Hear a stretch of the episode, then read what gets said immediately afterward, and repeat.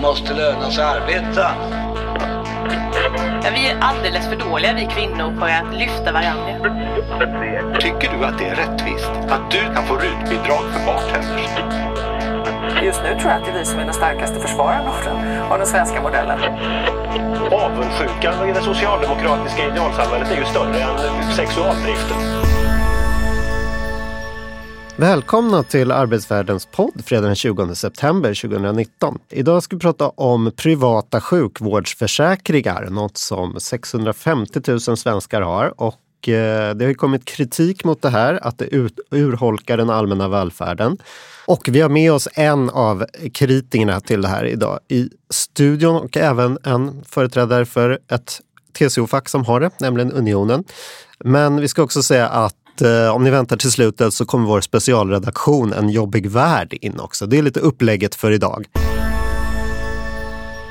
John Lapidus är forskare i ekonomisk historia vid Göteborgs universitet och eh, du kommer ut med en ny bok i det här ämnet där du kritiserar privata sjukförsäkringar. Och du är med oss via länk från Göteborg idag. Hur är läget i Göteborg?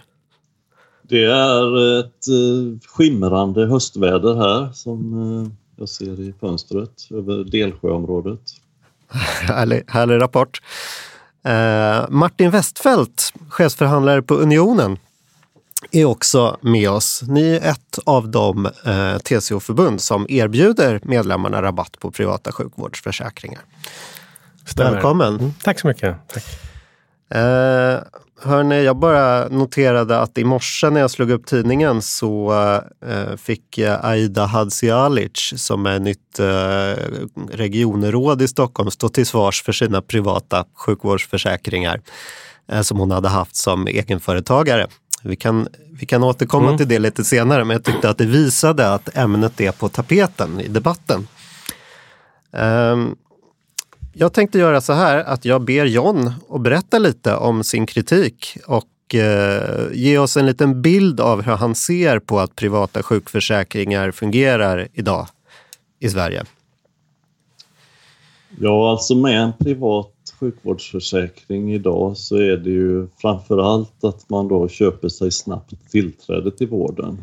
Eh, vårdgivaren sluter ett avtal med ett försäkringsbolag eller snarare med flera försäkringsbolag och dessa garanterar då att försäkringstagaren får behandling, påbörjad behandling ofta inom två till tre veckor. Och det ska då jämföras med den offentliga vårdgarantin som stipulerar då ett halvår på samma, samma process. Ehm, så att det är ju en, en väldigt stor skillnad och en faktor i detta är ju då att eh, den privata vårdgivaren i de allra flesta fall sluter ju inte bara avtal med försäkringsbolagen utan har ju då samtidigt ett avtal med landstingen eller som det numera heter regionerna. Och detta gör ju att det är ju till samma klinik som dessa olika patientgrupper kommer oavsett om det är en vårdcentral eller ett sjukhus. Ett privat drivet sjukhus då för att de offentligt drivna vårdinrättningarna tar ju inte emot försäkringskunder på de villkoren. Men till allt fler privata vårdgivare idag så får vi alltså två olika patientgrupper som kommer på två helt olika villkor och eh, givetvis så skapar detta ett, eh, ja, det är ett parallellt eh, sjukvårdssystem som växer fram helt enkelt. Och det ligger helt i linje med det som inom forskningen har kallats för den gömda välfärden och den kallas så av flera olika anledningar. Dels för att den inte är så privat som ordet antyder. Vi talar om privata sjukvårdsförsäkringar men vi ska nog sätta det inom citationstecken för att de är på många olika sätt då understödda eller sponsrade av, av staten. Eh, den kallas också för den gömda välfärden därför att den är oerhört svår för mig som forskare eller som journalist eller som allmänhet att få syn på. Eh, därför att så fort vi blandar in privata aktörer så blir det förstås eh, eh, hemliga avtal, affärssekretess och så vidare Så att jag har ju själv som forskare under de här senaste åren stångat mig blodig mot de här affärssekretesserna och på olika sätt försökt få ut material som, som helt enkelt går att forska på. Då. Varför är det så intressant? Då? Vad skulle kunna tänkas stå där i?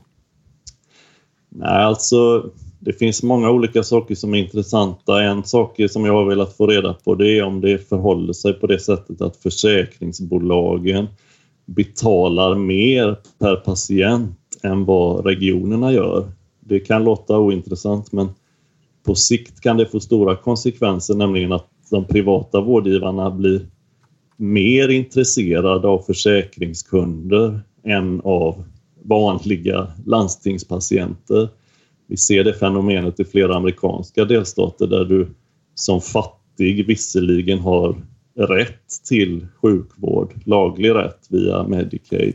Men det finns ingen som vill ta emot dig därför att de privata vårdgivarna får så mycket mer betalt av försäkringsbolagen.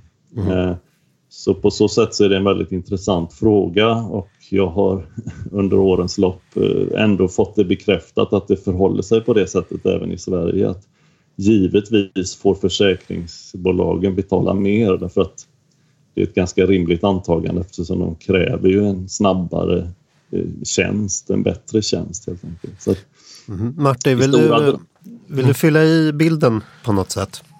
Ja, nej men alltså det här är ju en svår fråga som till ganska mycket liknar den diskussionen som fackliga organisationer hade kring inkomstförsäkring och vissa fortfarande har. Alltså, hur ska facket förhålla sig när medlemmar har ett behov och samhället inte förmår möta det behovet? För det är det det handlar om. Sen tror jag de allra flesta fackliga företrädare, inklusive mig själv, tycker att det vore ju bra om samhället kunde tillmötesgå de behoven som medlemmarna har. Men som facklig företrädare måste man ju vara realist också. Eh, vi tycker att a-kassan ska upp, men att den ska täcka 80 procent för stora tjänstemannagrupper är inte realistiskt och därför har vi en inkomstförsäkring sedan lång tid som ett exempel. Det finns en likhet i den här frågan med, eh, med sjukvårdsförsäkring då, eller vårdförsäkring. Eh, för det finns också lite missuppfattningar. Vad är liksom är det en sjukförsäkring eller en sjukvårdsförsäkring? Men det handlar precis om, och du kan ju det här John, det handlar precis om det här.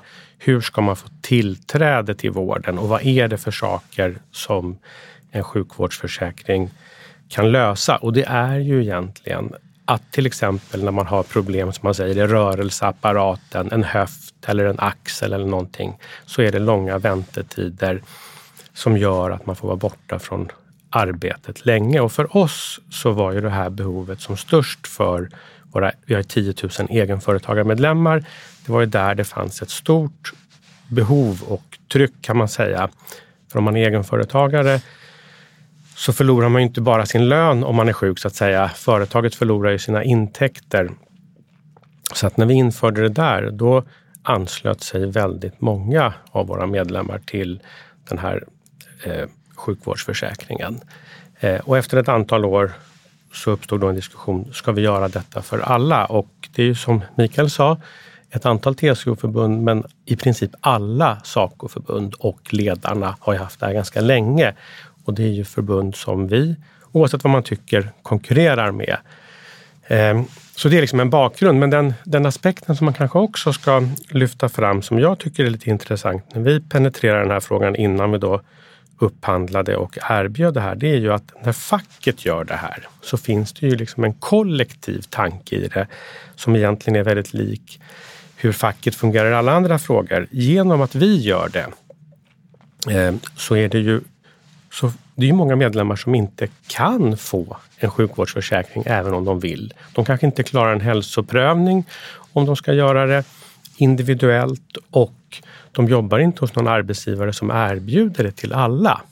Den andra fackliga fördelen är ju att du inte är beroende av att arbetsgivaren styr detta utan du kan ju ha kvar din sjukvårdsförsäkring även om du byter arbetsgivare. Du har den via medlemskapet. Vi bildar en grupp försäkringen. Så att det är ju inte en... Eh, på så sätt skiljer sig den fackligt eh, så att säga, erbjudna sjukvårdsförsäkringen från andra. Sen den tjänsten man får är ju snarlik. Vi kan komma tillbaka till de sakerna, men de här fackliga, fackliga aspekterna är faktiskt det som var väldigt viktigt för våra medlemmar. För det är långt ifrån alla medlemmar som kan få en sjukvårdsförsäkring, även om de vill och tycker att det... Ja. Mm, bra, du kommer direkt in på en massa argument mm. där. Jag, tänk, jag tänkte bara ge en liten bakgrund vad jag förstod hur det här ser ut ute, där ute i landet. Alltså det är 650 000 svenskar som har en sån här privat sjukvårdsförsäkring och det är absolut vanligast om man jobbar med finansiella tjänster, juridik eh, och eh, ekonomisk konsultation. Men det är också hyfsat eh, vanligt då inom byggnation och anläggning eh, detaljhandel och tillverkningsindustri, för att ta branscherna. Liksom.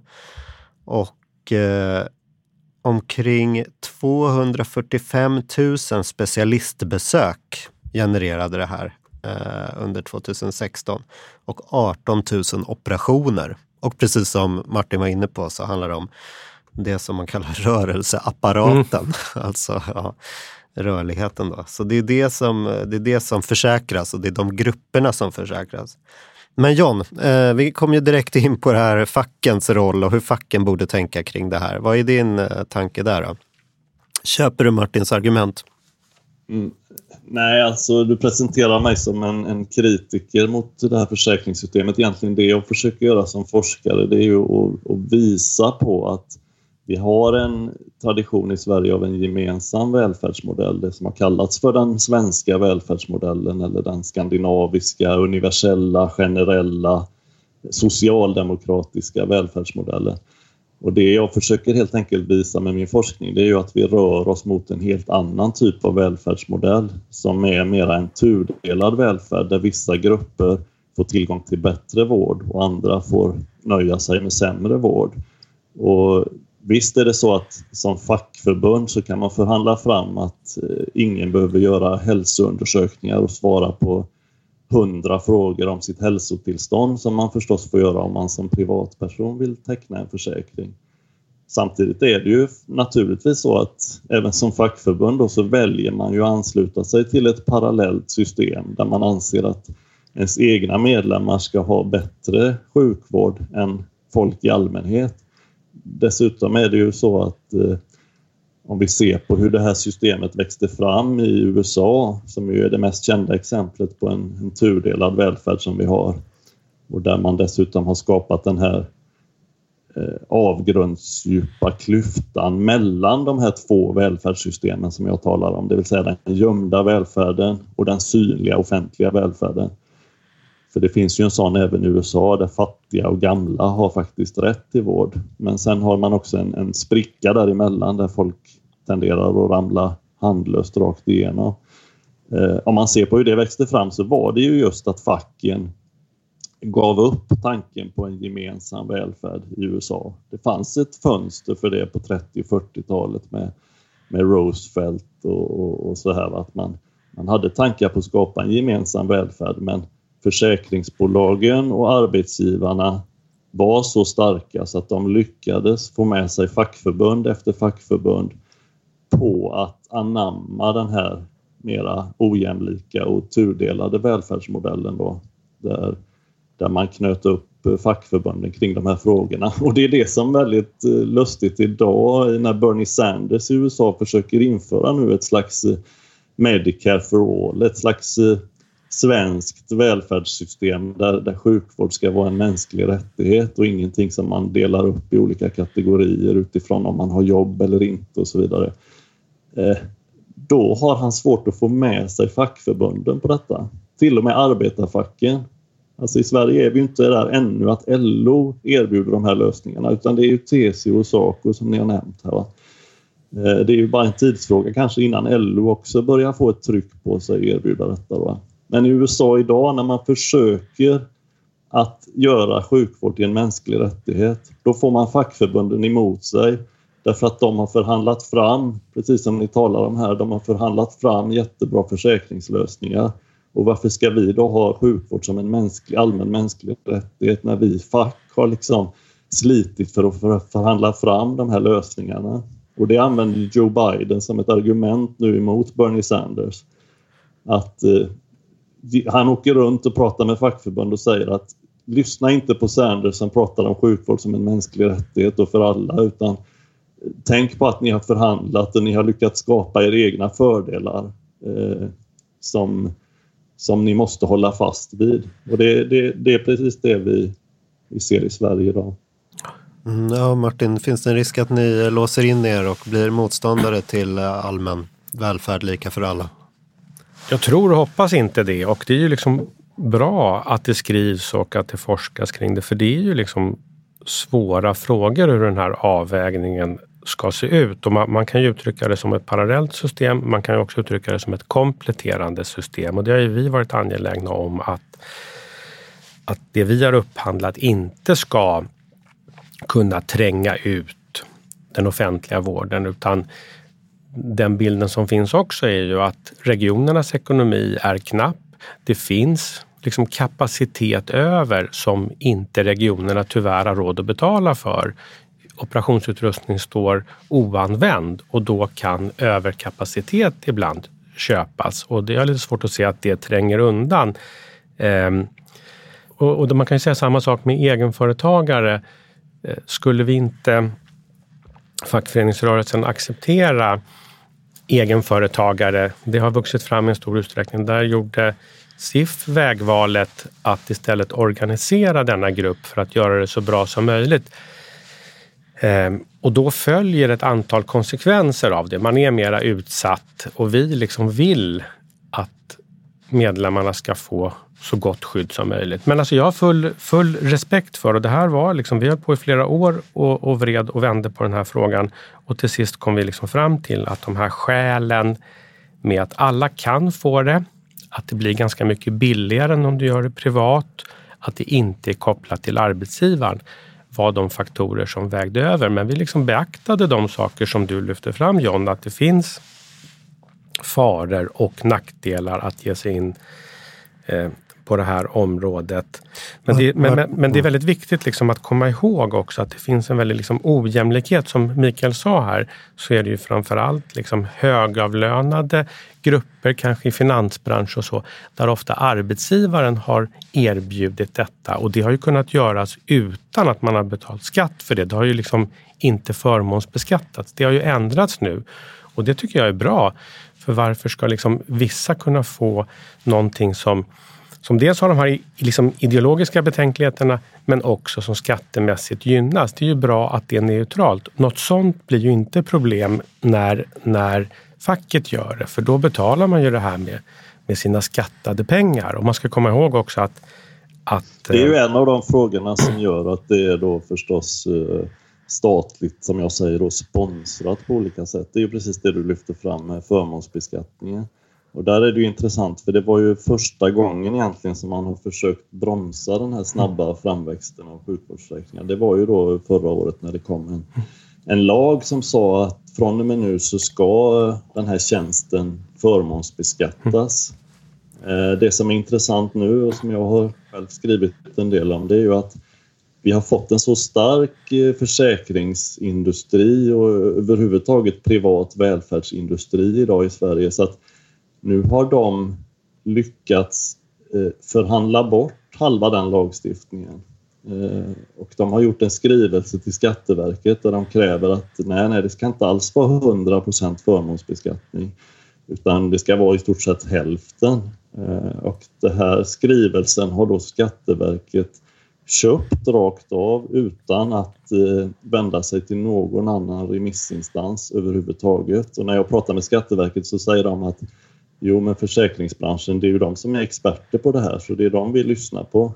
Jo, de är säkert mm. experter, men, men samtidigt så är det väldigt uppenbart att de är ett, ett särintresse som, som med alla medel vill stärka den här branschen. De vill stärka banden till, mm. till arbetsgivarna, men de vill också stärka banden till facken förstås. Där misstänker jag att ni är ganska eniga. Men jag tänkte, jag tänkte fråga mm. Martin, du efterlyste ju mer forskning och mm. diskussion om det här. Är ni öppna med era villkor? Kan man forska i dem, hur de ser ut? Det tror jag, men, men vi har våra försäkringar i ett ömsesidigt försäkringsbolag som heter Bliva. eh, som alltså försäkringstagarna äger och därmed vi. Och vi som ett stort fackförbund är ju en väldigt stor kund där eh, och utövar ju på så sätt eh, inflytande. Men det är ju viktigt för oss för att den här frågan har ju diskuterats med förmånsbeskattningen. Det är väl bra att våra politiker tittar på det. Det kan ju inte vara så att branschen själv bestämmer. Det, det, det förefaller ju egendomligt. Sen var det en annan diskussion i somras eh, kring sjukvårdsförsäkringar att det är liksom otydligt som kund vad som gäller. Det är också liksom en som inte riktigt har med det här att göra. Men, men apropå att det kanske är svårt med transparensen. Vår utgångspunkt är i alla fall att det är transparens som gäller för det vi erbjuder och är ju, eh, har ju beaktat de här sakerna. Sen kanske det är något avseende vi inte har haft tillräcklig kunskap för exakt när vi upphandlade. Så om John vill gå in och kolla på villkoren nu för Bliva och får några problem, då kan han höra av sig till dig så öppnar du upp eh, arkiven så att säga. Ja, i det som jag förfogar över. Jag mm. förfogar inte över liksom, bolagets affärssekretess. Nej, men det som vi förfogar kan vi absolut bistå med och är ju intresserade. För det kan jag säga att när vi jobbar med den här frågan så var det ju inte helt lätt att liksom få del av kunskap och så. Så att det finns ju lite, jag kan hålla med om det, att det finns ett eh, eh liksom lite locket på i vissa avseenden. Men John, köper du den här bilden av att facken kan bidra med någonting i de här försäkringarna? Att de blir mer jämlika, alltså att människor som annars kanske inte hade fått tillgång via arbetsgivaren får den här typen av försäkringar. Alltså just att det är mycket inom bygg och anläggning till exempel. Det gör ju att människor som annars inte hade kommit in i försäkringarna och som kanske också, alltså människor som tar en försäkring är ju de som också kan förväntas ha ganska stort behov av det? Att det skulle finnas en rättvisa aspekt i det här liksom också? Nej, alltså det här nya systemet som vi ser oavsett hur vi, hur vi löser de här frågorna så är det alldeles uppenbart att detta är ett eh, parallellt sjukvårdssystem som är helt och hållet i strid med hälso och sjukvårdslagens portalparagraf om eh, lika vård, vård på lika villkor och vård efter behov. Givetvis är det ett brott mot den lagens principer oavsett om det är facken eller om det är arbetsgivarna eller om det är privatpersoner som tecknar försäkring och som därmed till samma klinik, samma sjukhus, samma vårdcentral köper sig förtur framför andra patienter som går till den kliniken. Så att det finns inget tvivel om att, att detta är liksom... Eh, det rimmar, eller det, det bryter mot hälso och sjukvårdslagens principer alldeles uppenbart och det men, har men... betydelse om det är fack eller om det är arbetsgivare som löser detta. För att även om det är facken så genom att acceptera den här typen av lösningar ja, då accepterar man också det faktum att vissa ska ha bättre tillgång till vård än andra. Och det... våra medlemmar ska ha bättre tillgång till vård än andra människor i, i, i befolkningen. Det är precis på samma sätt som att arbetsgivaren resonerar att våra anställda ska ha bättre tillgång till vård. Så att det finns egentligen ingen skillnad där mellan ett fack och en arbetsgivare utan i, i förhållande till hälso och sjukvårdslagen så är det precis samma sak. Men, men, men du förutsätter, jag håller inte med dig där, att det är ett brott mot hälso och sjukvårdslagen på det sättet som du beskriver. För du förutsätter ju också att en privat sjukvårdsförsäkring så att säga kan tränga sig före i kön. Och det är inte... Jo, men det är precis så det är. Det är precis, alltså om du går till Lundby sjukhus här i Göteborg. Då jag har intervjuat alla tänkbara verksamhetschefer och, och liknande genom åren. Och då är det så att har du en sjukvårdsförsäkring så, så kommer du snabbare in till Lundby sjukhus i Göteborg än om du inte har det. Och det är två olika patientgrupper som på två helt olika villkor går till samma klinik som i huvudsak är offentligt finansierad men som då tar in som en bonus försäkringspatienter. Så att det finns inget tvivel om att det finns två köer in till, till samma vårdgivare och att en av dessa köer är mycket snabbare än den andra. Det är det som är hela syftet med försäkringen.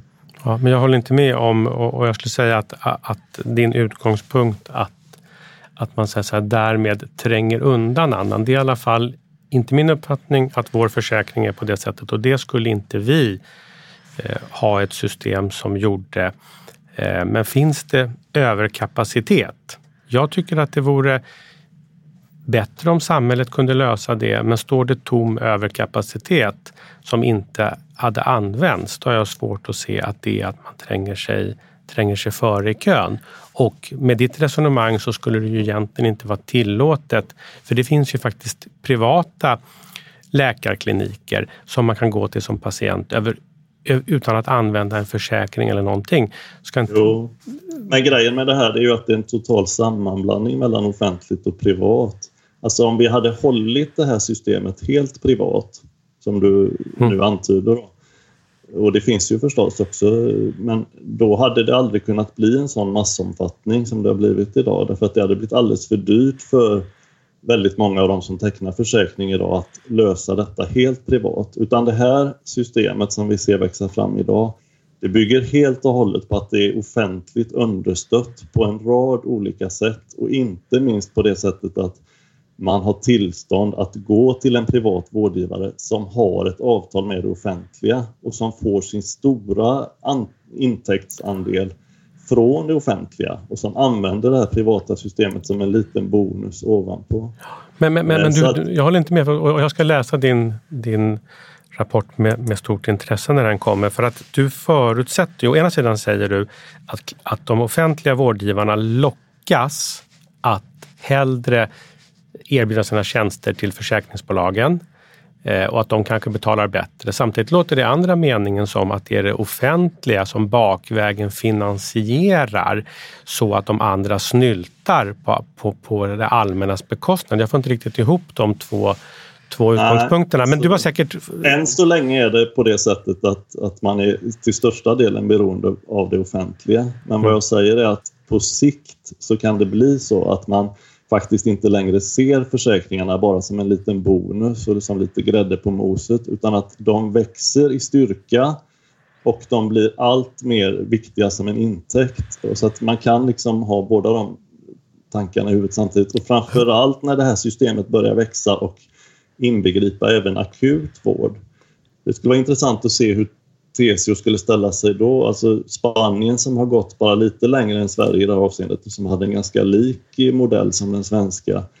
Där är det så att försäkringarna nu även täcker akutvård så att mm. försäkringstagarna har egna ambulansföretag och så här. Och där är det kanske snart också då att, att TCOs medlemmar får, ska inte ringa 112 längre utan de har ett helt annat nummer till Blivas eh, ambulansföretag. Jag hoppas, ja, hoppas jag och så, tror inte det. Jag har det, är så svårt os, att... det är ingen osannolik utveckling. Det har hänt i Spanien och okay. de, gick, de, har gått precis eh, som, som Sverige har utvecklats i den här riktningen. Och de har precis samma starka försäkringsindustri och precis samma fackförbund som gradvis går med i den här utvecklingen. Så det, det, en skillnad som jag hoppas som kan vara en skillnad i Sverige är ju att vi har en, en starkare anslutningsgrad. Vi har ett starkt stöd för det generella systemet eh, som jag tror är annorlunda i Sverige. Jag hoppas det. Det är i alla fall eh, vår absoluta utgångspunkt och ambition. För det det handlar om, det det kokar ner till för våra medlemmar, det är att egenföretagarna känner att de har svårt att klara sin försörjning om de måste vänta två månader på en höftoperation, då har det blivit ett intresse. Jag kan hålla med om att det är olyckligt, men det är liksom ett faktum. Samma argument att det är besvärligt, du kanske är visstidsanställd, du är borta, du är rädd, tappar jag min plats? Man kan tycka att det är tråkigt att arbetsmarknaden är på det sättet, men det är den och liksom det är det vi förhåller oss till. Och sen får vi de här kollektiva värdena av att vi gör det. Mm. Hörni, jag har ju haft mm. jättesvårt att avbryta er. Ja. ja, du får inte avbryta en heller. Det är så roligt när det hettar till här i podden för en gångs skull. Lite angående, grann. angående stödet till välfärdsmodellen som du pratar om mm. där. Det är ju precis det stödet till den gemensamma välfärdsmodellen som urholkas allra mest och snabbast av det här framväxande parallella systemet. Det är ju stödet och tilliten till den gemensamma svenska välfärdsmodellen som totalt kommer att urgröpas. Mm. och det var bara min poäng egentligen.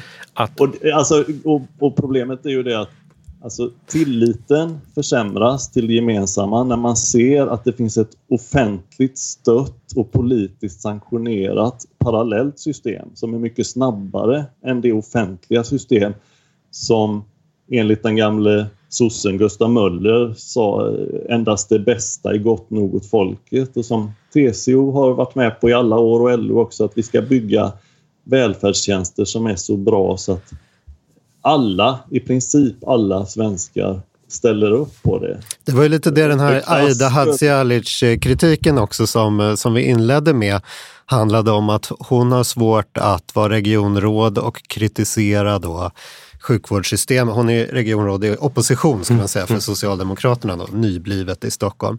Och att då kritisera eh, vården och eh, så hade hon då samtidigt haft en parallell eh, eller som småföretagare tidigare hade hon haft en eh, privat sjukvårdsförsäkring och då kom ju naturligtvis det här upp om två köer om hon hade en gräddfil. Och nu så skrev hon ju då att nu såg hon naturligtvis inte att hon skulle ha en privat sjukvårdsförsäkring eh, när hon var politiker.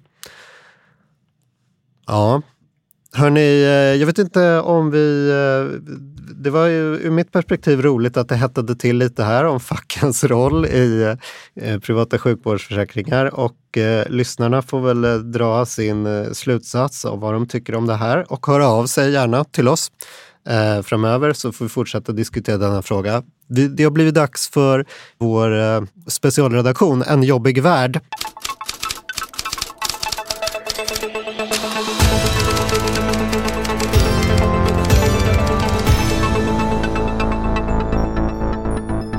Kritik mot uniformsbyxor som inte lämnar något åt fantasin. En av de politiker som varit drivande bakom förslaget att stoppa regnbågsflaggan från att hissas på stadshuset i Sölvesborg har nu reagerat på de inhyrda väktarnas uniformer.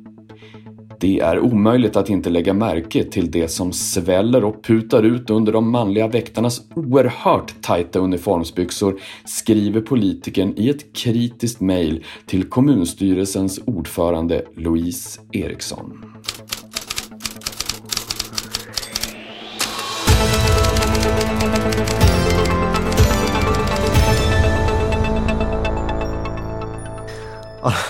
har ni följt med i Sölvesborgs eh, härvan här och den, den nedplockade prideflaggan? Vad är era, era tankar kring det där? Ja, alltså det är väl helt i linje med, med nyfascistiska principer att man eh, kommer gå hårt åt homosexuella i, i framtiden, precis som man har sagt att man ska gå hårt åt media och liknande. Eh, så att det är väl inte så överraskande det vi ser hända där. Jag tänker att det speglar balansgången man går lite grann mellan olika väljargrupper. Att man försöker att eh, projicera det som att man är för homosexuellas rättigheter, man är för kvinnors rättigheter. Samtidigt som man ju har eh, en väljargrupp som kanske inte gillar de här åsikterna som man också ska ta hänsyn till och man går på en slak lina där och försöker balansera det här på något sätt. Och det är väl ganska tydligt att man kommer ur en tradition som är oerhört fientlig mot kvinnors och homosexuellas rättigheter. Men man har ju använt det här som ett, ett slagträ ganska mycket mot islam. Och där någonstans på den, på den balansgången befinner man sig. Liksom.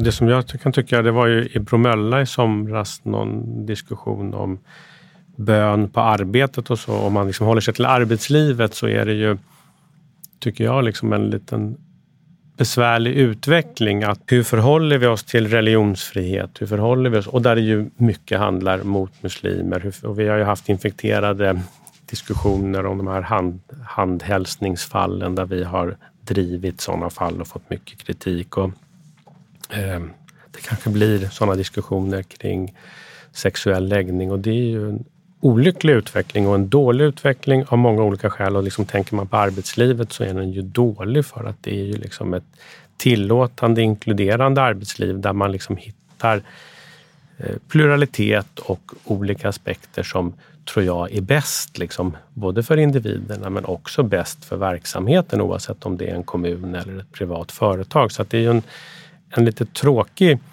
tendens i, i samhället för närvarande. Mm. Ja, hörni, då har vi gjort vår insats för idag. Klockan är precis som vi hade tänkt, tio. Och jag ska bara säga tack för att ni lyssnade. Tack till vår eh, producent också, Anders Ljung. Och eh, tack till Jan Lapidus och eh, Martin Westfeldt för att ni var med. Tack. Vi hörs igen om två veckor, sisådär. Adjö.